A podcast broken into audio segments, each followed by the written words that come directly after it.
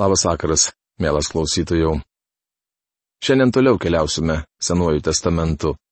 Psalmynų. Praėjusioje laidoje pradėjome nagrinėti 137 psalmę, kurios tema - Svetimame krašte skamba viešpaties gesmė. Mes su jumis išnagrinėjome pirmą, antrą eilutes, kurios buvo kaip potėme didžiausias išgyvenimas. Šiandien tęsime apžvalgą karti patirtis. Ant to krašto topų pakabinome savo arfas. Nes mus į nelaisvę išvariusieji, ten liepė mums gėdoti, mūsų engėjai vertė mus džiūgauti sakydami, pagėdokite mums Siono giesmių. 137 psalmės trečia eilutė. Babiloniečiai buvo girdėję apie Izraelio krašte skambančias giesmes. Kaip netrukus pamatysime, izraelitai garsėjo visame pasaulyje. Todėl, kuomet pasklido gandas, jog jie buvo kolonizuoti ir pristatyti prie darbo vergų stovykloje, ir jie kasa kanalus Babilono miesto apylinkėse, kelionių agentūros išsyk suskubo organizuoti ekskursijas į tą vietovę, nes daugelis troško juos išvysti. Izraelis garsėjo visame pasaulyje, mat Jeruzalėje stovėjo šventykla gyvajam ir tikrajam Dievui.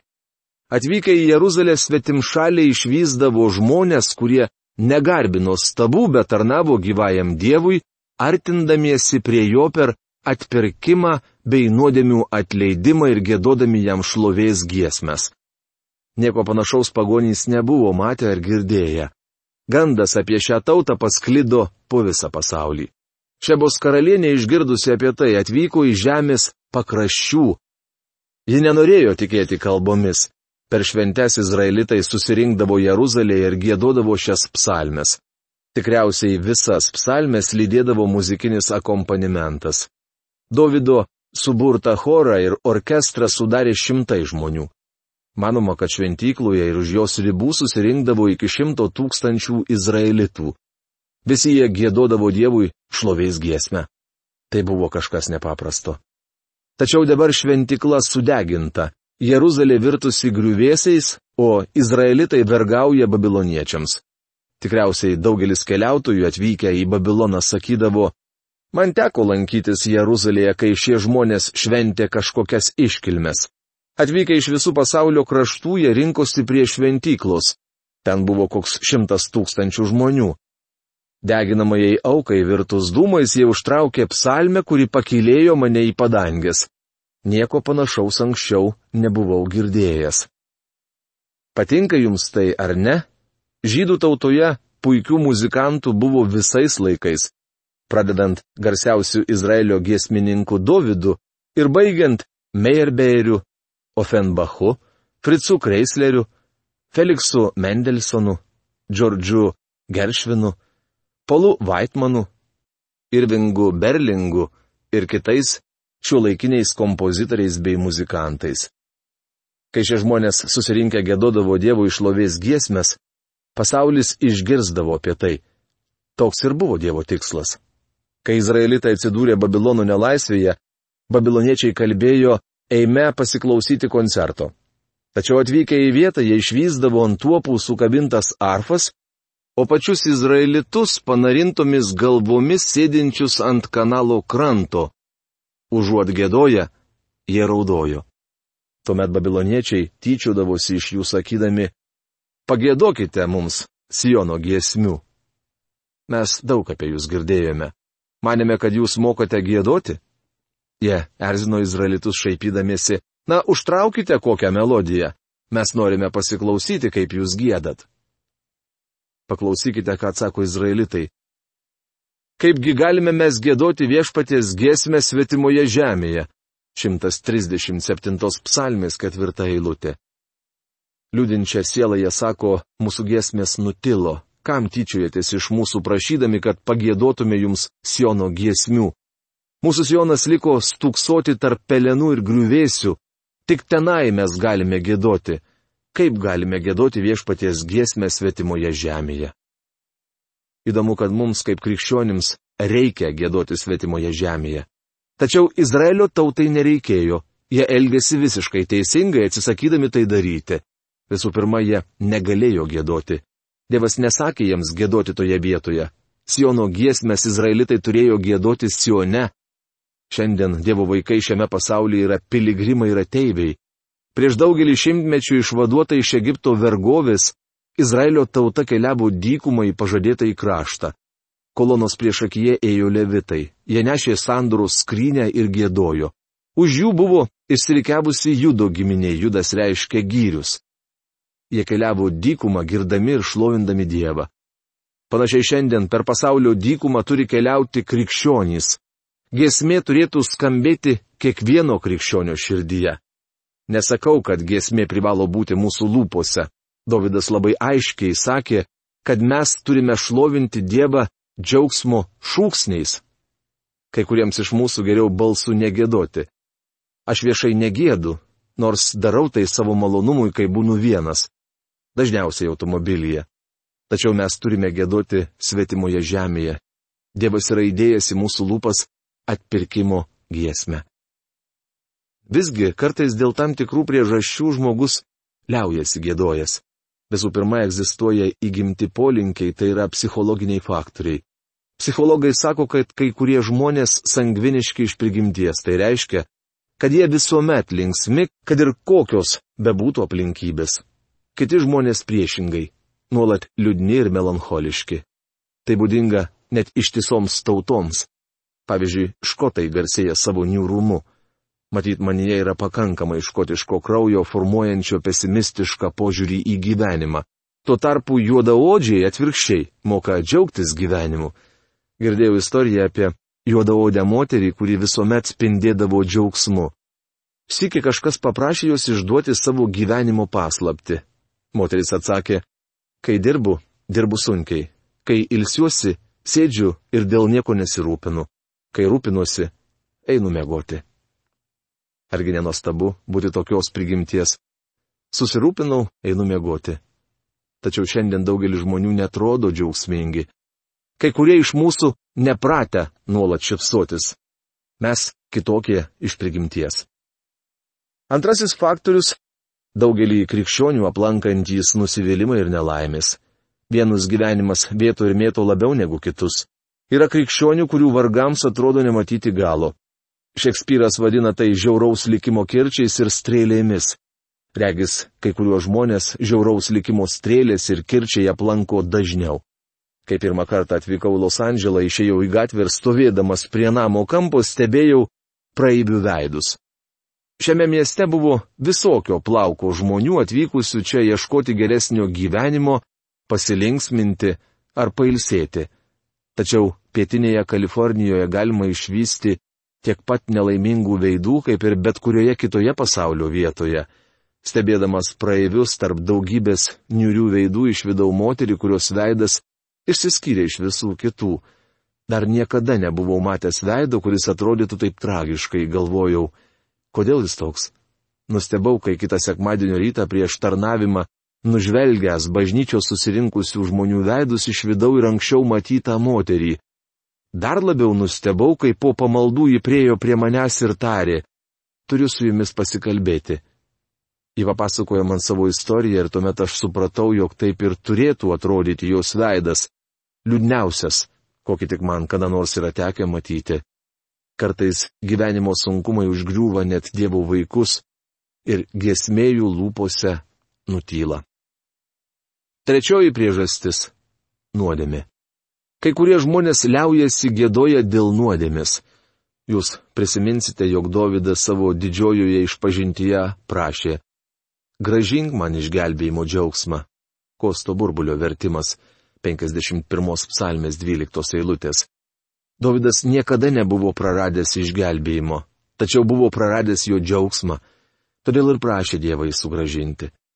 O 32 psalmėje Davidas kalbėjo apie siaubingai slegiantį neišpažintos nuodėmės svorį. Psalmininkas sakė, kad jį kamavo nemiga, o kaulai nyko nuo nuolatinių dėjonių. Apie viešpatį Jėzų Kristų pasakyta, kad jis buvo skausmų vyras, apsipratęs su negale. Bet neskubėkite įsivaizduoti jo liūdno ir surūgusio, jis toks nebuvo. Izaijas labai aiškiai sako, kad viešpats Jėzus prisijėmė mūsų, negalės, savo užsikrovė mūsų skausmus. Taip užrašyta Izaijo knygos 53 skyriaus ketvirtoje eilutėje. Jis tapo skausmų vyrų tuo met, kai ant jo buvo uždėtos visos mano ir jūsų nuodėmės bei negalios. Savų skausmų viešpats Jėzus neturėjo, nes buvo be nuodėmės. Dėl mūsų jis buvo paverstas nuodėmė, tapo auka už mūsų nuodėmės, visiškai su jomis susitapatindamas. Kodėl izraelitai sėdi prie Babilono upių? Galiu jums tiesiai atsakyti, jie nusidėjo. Kodėl jie nebegėda? Izraelio vaikai nusidėjo, o nuodėmi išplėšė giesmė iš žmogaus širdies. Galutinis išgyvenimas. Pabaigoje aprašomas galutinis šios tautos išgyvenimas. Jeruzalė, jeigu tave užmirščiau, ten nuvysta mano dešinė. Te prilimpa man liežuvis prie gomurio, jei apie tave negalvočiau, jei Jeruzalės didžiausių džiaugsmų nelaikyčiau. 137 psalmės 5-6 eilutės. Smalsiems babiloniečiams tyčiojantis iš jų ir prašant, nagi užtraukit ką nors, izraelitai atsakė, mes negalime gėdoti. O tuomet davė Dievui priesaiką. Jie sakė, ak Jeruzalė, jei tave kada nors užmirščiau, te prilimpa man liežuvis prie gomurio, aš niekada, niekada, niekada neužmiršiu Jeruzalės. Matome vilties spindulėlį. Tai atgaila. Izraelis pasižada būti ištikimas Dievui.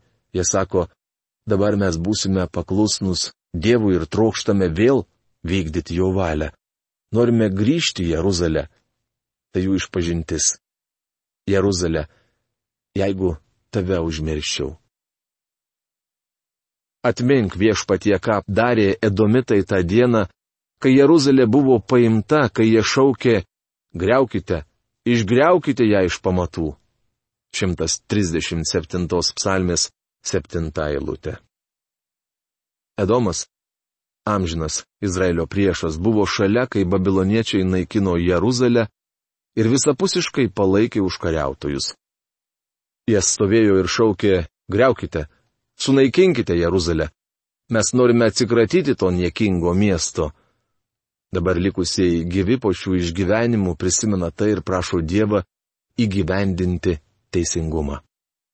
Kas nors pasakys, bet tai nekrikščioniška dvasia. Visiškai su jumis sutinku. Tačiau izraelitai gyveno įstatymu, o ne malonės valdžioje. O įstatymas gynė teisingumą. Kai kurie žmonės klaidingai supranta mūsų viešpaties žodžius, kuriuos jis ištarė, kabodamas ant kryžiaus.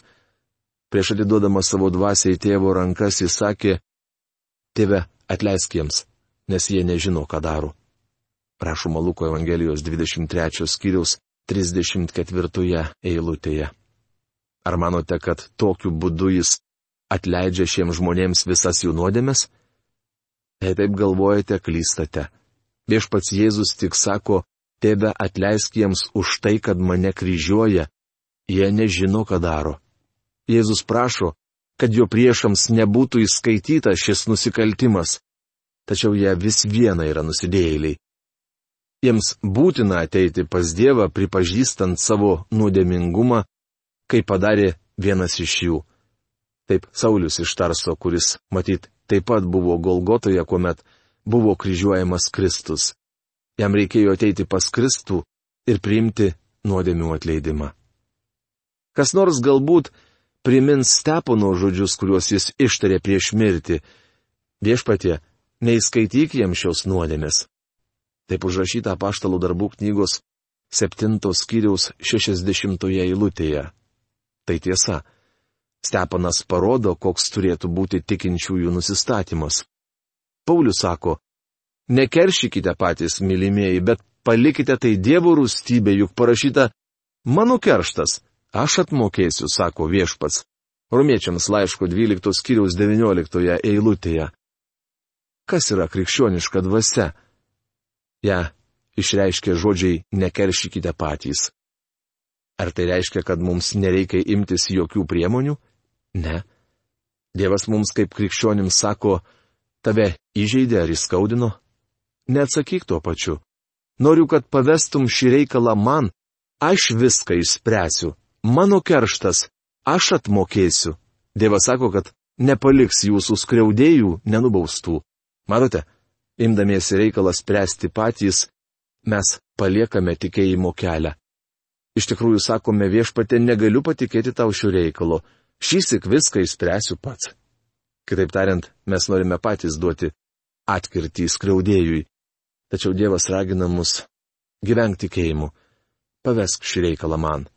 Aš esu teisingas Dievas. Bičiuli, teisingumas turi triumfuoti. Kas nors galbūt vis dar prieštarauja, tačiau tai netitinka naujojo testamento mokymo. Ką norite to pasakyti? Apreiškimo knygos šeštos kiriaus devintoje dešimtoje eilutėse skaitome, Kai avinėlis atplėšė penktąjį anspaudą, aš pamačiau po aukurų sielas nužudytojų dėl Dievo žodžių ir dėl liudijimo, kurį jie yra davę. Jie šaukė didžių balsų klausdami. Kaip ilgai šventasis ir teisusis valdovė neteisi ir nekeršysi už mūsų kraują žemės gyventojams. Matote, keršto troškimas nėra priešingas naujajam testamentui. Bičiuli, teisumas turi įsigalėti. Mūsų Dievas teisus. Teisybė turi triumfuoti. Kokius jausmus jums kelia blogis? Ar nekestumėte pasiutusio šuns, kuris įsliūkinęs jūsų kiemą, taikytųsi įkasti vienam iš jūsų vaikų? Jei nemylite savo vaikų, tuomet gal net parvesite pasiutusi šunį į namus ir raginsite vaikus jį paglostyti. Tačiau jei mylite savo atžalas, to pasiutusio šuns nekesite. Apie antrąjį mūsų viešpaties ateimą pasakyta, tu brangini kas teisų ir nekenti kas nedora, rašoma 45 psalmės 8 eilutėje. Negalite mylėti ir branginti to, kas teisų, jei nejaučiate neapykantos viskam, kas nedora. Negalite mylėti Dievo, jei nedegate neapykantą šetonui. Jei mylite tiesą, nekesite bet kokios neteisybės. Kokius jausmus jums sukelia blogis? Belaisviai plūšę prie Babilono upių, nekentė neteisybės ir prašė, kad įsigalėtų teisingumas. Dukterija Babilonija griovike, laimingi bus, kurie atmokės tau už mums padarytą piktą. 137 psalmės 8 eilutė. Egzistuoja atpildo dėsnis.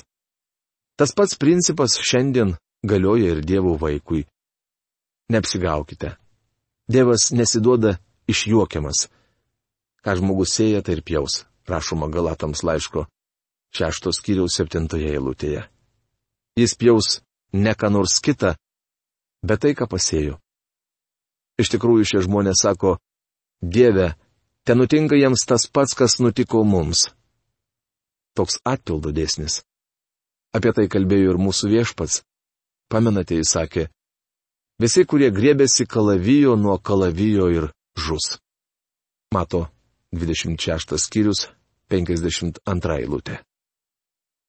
Kągi, prieiname iš tikrųjų sudėtingą ištrauką laimingi, kurie paims tavo mažylius ir tėkš juos į uolą. 137 psalmės 9 eilutė. Sėdėdamas prie Babilono kanalų, prislėgtas ir liūdnas izraelitas, į babiloniečių patyčias ir sarkastiškus raginimus pagėdoti atsako, aš negaliu gėdoti. Jis prisimena, kai buvo sunaikintas jo mylimas miestas ir Dievo šventykla. Šiam vyrui vėl prieš akis iškyla širpus reginys. Jis mato, kaip edomitai džiūgauja ragindami babiloniečius, kuo greičiau užbaigti savo juodą darbą. Mato, kaip babiloniečiai sunaikina jo miestą. O tuomet vyksta kažkas siaubingo. Šio vyro žmona ant rankų laikė jų brangų kūdikį. Staiga prie jos prisertina augalotas kareivis babilonietis išplėšia kūdikį iš jos rankų, paima jį už čiurnų ir motinai klykiant iš siaubo, trenkia mažylio galvo į akmenis, ištaškydamas smegenis. Psalmininkas sako, kadangi danguje yra teisingas Dievas, kažkas pasielgs su babiloniečiais taip pat. Patinka mums ar nepatinka, istorijoje užfiksuotas toks faktas. Kyro didžiojo generolas pasielgė su babiloniečiais taip pat, kaip jie buvo pasielgę su Jeruzalės gyventojais. Ar ši psalmė skirta viduramžiams? Gal ji jau išėjusi iš mados ir mūsų laikais nebetinkama? Ar žmonės tapo civilizuotesni, išmoko mylėti ir todėl ši psalmė jiems nebeaktuali? Šiandien visuose žemynuose vyksta karai. Baisiausia, kad dėl to kenčia vaikai. Mūsų laikais žmonių nežmoniškumas padaro šią psalmę be galo aktualią.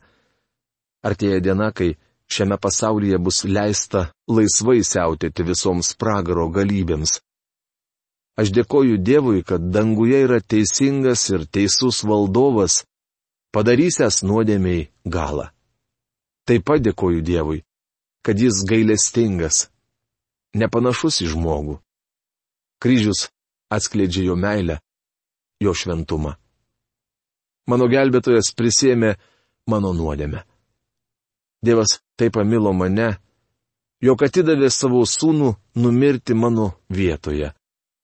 Mat privalo nubausti nuodėmę. Šiandien jis be galo gailestingas. Tačiau neapsigaukite. Dievas dar šventas ir teisus. Tų, kurie nepriims gelbėtojo, paniekins jo malonę, atgręš nugarą jo gailestingumui laukia teismas. Net ir 21 amžiuje jis neprašo, kad mes jam dėl to atleistume, nes visą laiką buvo mums kantrus. Dievas labai ilgai buvo mums maloningas. Mielas klausytojau, ar jau priėmėte jo malonę? Turbūt ne kiekvienas mūsų radio laidų klausytojas žino, kas tai yra malonė.